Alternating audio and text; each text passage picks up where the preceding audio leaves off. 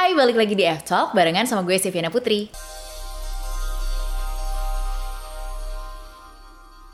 Kamu lagi sering ngerasa stres sama kerjaan kamu dan juga ngerasa nggak produktif, apa yang kamu kerjain tuh kayaknya selalu nggak ada gunanya. Terus kerasanya kok kayak nggak ada goal dalam hidup kamu. Terus juga mungkin kalau kamu sering ngerasa sering sakit, terus juga sering lelah secara emosional kamu dan juga secara fisik kamu jadi sering gak sehat, mungkin kamu lagi ngalamin yang namanya burnout syndrome. Nah, burnout itu apa sih? Jadi kalau secara istilah psikologisnya sendiri, burnout itu adalah kayak perasaan kegagalan atau kelesuan akibat tuntutan yang membebankan kepada tenaga dan juga kemampuan seseorang khususnya kalau di sini yang gue akan bahas adalah dalam bekerja.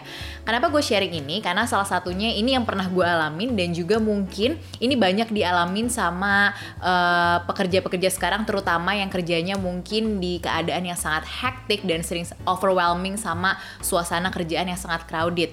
Banyak mungkin di antara kalian yang pernah mengalami yang namanya burnout syndrome. Burnout syndrome dengan uh, stres atau depresi dalam pekerjaan ini sebenarnya ada sesuatu yang berbeda. Jadi kalau stres atau mungkin depresi yang kalian alami ketika kalian uh, bekerja itu biasanya akibat ada tekanan-tekanan dan juga uh, biasanya ketika kalian mengalami stres itu kalian masih bisa memandang sisi positif. Berbeda dengan yang namanya burnout syndrome. Jadi kalau burnout syndrome ini adalah stres juga, tapi stresnya itu berkepanjangan dan ada perasaan hampa dalam diri kalian sehingga kalian merasa apa yang kalian lakukan tuh semuanya salah apa yang kalian lakukan tuh semuanya nggak ada gunanya dan ini sebenarnya bisa dibilang lebih berbahaya dari stres biasa dalam pekerjaan terus kenapa sih sebenarnya seseorang itu bisa mengalami yang namanya burnout syndrome emang gara-gara apa atau mungkin eh, faktor-faktor apa aja yang bisa membuat kalian tuh mengalami yang namanya burnout syndrome. Yang pertama, yang jelas paling mempengaruhi adalah lingkungan tempat kerja. Biasanya ada masalah yang emang kalian hadapi dalam lingkungan tempat kerja kalian. Mungkin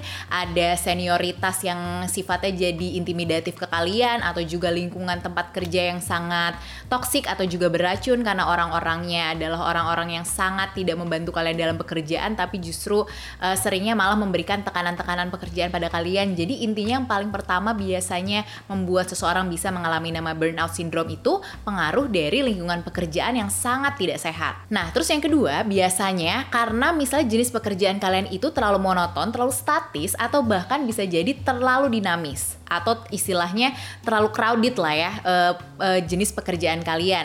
Nah, yang selanjutnya adalah bayangan akan pekerjaan yang tidak jelas. Ini maksudnya adalah ketika kalian mendapatkan suatu pekerjaan di mana kalian uh, merasa kayak terus gue ngapain harus ngerjain ini? Emang ini tujuannya apa sih? Ini buat apa emang? Terus kayak nggak jelas tujuan dari uh, goals dari kerjaan yang kalian lakukan tuh buat apa? Itu biasanya juga akan membuat kalian merasa jadi gak guna apa yang kalian kerjakan dan itu bisa menyebabkan yang namanya burnout syndrome. Udah gitu burnout syndrome juga bisa uh, terjadi kepada seseorang yang mungkin kehidupan sosial di kantornya tuh sangat-sangat buruk. Dalam arti nggak ada yang namanya uh, peer group di kantor atau juga nggak ada yang memotivasi kalian di kantor. Terus juga mungkin nggak ada relasi sosial yang memberikan dampak positif buat kalian di kantor. Itu juga bisa sal jadi salah satu penyebab dari burnout syndrome itu sendiri ya. Nah yang terakhir ini mungkin juga bisa jadi salah satu faktor yang paling berpengaruh yaitu kehidupan yang tidak seimbang. Dalam arti kalian selain bekerja ada kehidupan lain di luar pekerjaan kalian. Nah, di sini ketika kalian udah mulai nggak seimbang, entah itu pekerjaan yang intensitasnya sangat tinggi sehingga waktu kalian untuk beristirahat atau waktu kalian untuk ketemu sama orang lain di luar pekerjaan kalian itu lebih sedikit, itu jadi salah satu faktor terbesar juga yang bisa bikin kalian mengalami namanya burnout syndrome. Nah, terus gimana sih cara kalian tahu kalau kalian sedang mengalami namanya burnout syndrome? Mungkin secara fisik salah satunya adalah gue merasa sering sakit-sakitan. Itu salah satunya. Biasanya emang orang yang terkena burnout syndrome itu salah satunya bisa uh, jadi lebih rentan akan penyakit. Salah satu penyakit yang biasa diderita itu salah satunya masalah pencernaan karena berhubungan dengan stres juga. Selain mungkin uh, sakit secara pencernaan dan juga sering demam, flu dan rentan terhadap penyakit, biasanya juga kalian jadi lebih susah tidur atau kalau kalau kalian pun misalnya tidurnya sudah banyak, sering merasa nggak cukup gitu. Istirahatnya tuh selalu ngerasa capek aja habis bangun dari tidur bukannya seger tapi malah sama-sama uh, lemes juga. Atau juga bisa jadi salah satunya nafsu makan kalian menurun. Itu juga jadi salah satu uh, gejala uh, burnout syndrome secara fisik. Nah kalau untuk secara mental atau secara emosional ini mungkin bisa kalian kalau kalian pengen tahu sebenarnya kalian lagi mengalami yang namanya burnout syndrome atau enggak kalian coba deh sering-sering yang namanya kayak refleksi apa aja yang sudah apa aja yang kalian alami hari itu e, ketika kalian sedang bekerja di kantor waktu itu gue pernah sehari kayak refleksi terhadap diri gue sendiri. Tadi gue ngapain aja sih di kantor gitu kok kayak capek banget. Mungkin satu ketika kalian merasa sering gampang menyerah kayak ah udahlah capek uh, ntar dulu ngerjainnya gitu kan. Menunda-nunda pekerjaan itu salah satu juga gejala dari burnout syndrome. Yang kedua juga sering merasa sinis atau jadi sering berpikiran negatif. Itu waktu itu juga ada refleksi kayak kok kayak hari ini uh, gue jadi kayak sering negatif thinking ya ke orang-orang. Jadi malah banyaknya tuh bukan produktif akan kerjaan-kerjaan gue tapi justru malah lebih memikirkan hal-hal negatif yang terjadi dalam pekerjaan ini. Nah itu juga jadi salah satu gejala berarti kalian sedang menuju atau sedang mengalami yang namanya burnout syndrome. Nah yang selanjutnya juga bisa jadi uh, kalau misalnya kalian ngerasa udah mulai menarik diri dari lingkungan pekerjaan dalam arti kalian udah merasa lebih nyaman untuk sendiri nggak mau ketemu sama orang-orang kantor kayak males lah untuk uh, gabung sama orang-orang uh, di kantor kalian untuk bersosialisasi dengan orang-orang di kantor kalian. Dan yang terakhir pastinya, ketika kalian udah mengalami namanya kehilangan motivasi. Ketika kalian mungkin pas berangkat ke kantor atau namanya mulai memulai suatu pekerjaan, terus kalian merasa, hmm, ngapain ya gue kantor hari ini? Terus juga, hmm, ngapain ya gue kerja hari ini. Itu sudah sangat bahaya banget sih maksudnya. Jadinya akan sangat berpengaruh terhadap pekerjaan dan juga aktivitas-aktivitas kalian yang lainnya. Nah kalau misalnya dari gejala-gejala yang tadi udah gue share ke kalian ternyata kalian merasa ya gue telah mengalami gejala-gejala itu berarti mungkin kalian uh, sudah satu step menuju yang namanya burnout syndrome atau kalian sebenarnya sudah ada dalam posisi itu dan mungkin yang bisa gue share ini juga dari pengalaman pribadi gue um, tips yang pertama yang bisa gue share ke kalian adalah melihat sisi positif dari pekerjaan kalian itu sendiri. Emang bisa dibilang klise dan juga hal yang kayaknya nggak mudah-mudah amat gitu kan melihat sisi positif. Apalagi ketika kalian sudah mengalami burnout syndrome itu kalian tuh udah pikirannya tuh negatif semuanya itu nggak ada yang bagus menyebalkan pekerjaan kalian lingkungannya nggak asik dan segala macam.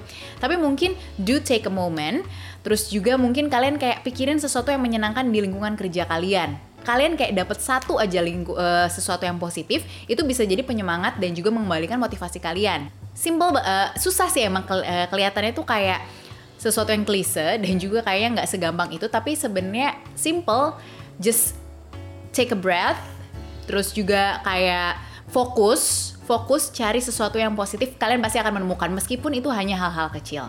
Nah, terus yang selanjutnya, uh, ini juga salah satu hal yang waktu itu gue lakukan juga ya. Jadi tadi seperti yang gue bilang, salah satu uh, penyebab atau faktor membuat kalian bisa mengalami nama burnout itu adalah ketika kalian nggak bisa mengatur keseimbangan uh, dalam kehidupan kalian ya. Nah, intensitas kerja kalian tuh lebih tinggi dibandingkan kehidupan-kehidupan kalian lainnya. Jadi di sinilah kalian mulai mengatur uh, namanya hidup kalian di mana kalian mulai memilah-milah kalian akan bekerja sampai jam berapa hanya bekerja pada hari apa aja dan itu kalian benar-benar harus atur itu sestrik mungkin karena kalau misalnya kalian uh, terus-terusan membiarkan itu terjadi intensitas kerjaan yang tinggi, ya itu akan lama kelamaan semakin menumpuk stres kalian sendiri. Jadi waktu itu gue akhirnya kayak oke, okay, gue akan memanfaatkan kerja weekdays. Kalaupun emang sangat urgent, tapi hanya beberapa jam saja. Sisanya gue mau nyari kegiatan lain gitu kan. Salah satunya juga mungkin ngevlog kayak gini kalau kalian seneng ngevlog atau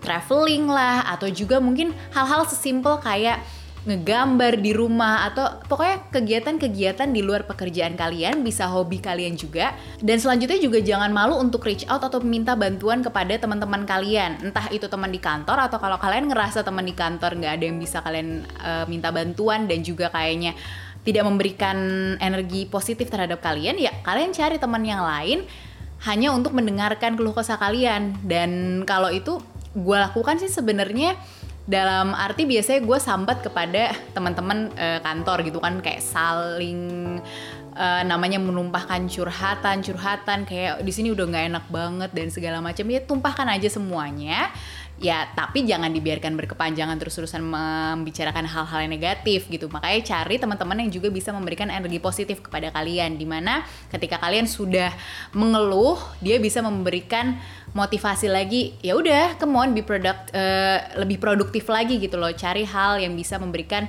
energi positif kepada diri lo. Dan yang terakhir ini mungkin jadi uh, salah satu tips yang paling gue saranin banget buat kalian semua ini entah kenapa entah karena berangkat dari gue yang seorang introvert ya dan gue sering banget yang namanya menyendiri seneng yang namanya uh, apa sih punya waktu sendiri dan ini ternyata sangat berhasil gitu. Jadi do take a moment for yourself. Jadi kayak lo cari waktu sehari dan itu harus terus-terusan dilakukan dalam sehari itu selalu ada waktu itu kayak berapa menit itu terserah lo tapi cari waktu yang bener-bener lo hanya berfokus pada diri lo sendiri lo nggak main yang namanya social media lepas dari gadget semuanya kayak relaksasi aja. Relaksasinya juga nggak perlu yang harus yoga dan segala macam enggak kayak bengong terus juga kadang-kadang uh, kalau gue sih biasanya nggak tidur tapi lebih kepada istirahat istirahatin diri gue tapi nggak tidur bener-bener tidur hanya memejamkan mata terus kayak nggak mikirin yang namanya pekerjaan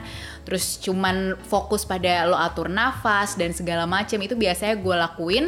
Entah itu kalau misalnya emang gue lagi stres banget di kantor itu di jam-jam siang atau biasanya sebelum uh, eh, gue tidur atau pas baru balik kerja itu kayak gue gogoleran di kasur gitu kan rebahan di kasur bukan tidur tapi bener-bener fokus kepada diri gue aja kayak ah, this is my time. Kayak relax. Gue nggak memikirkan hal lain.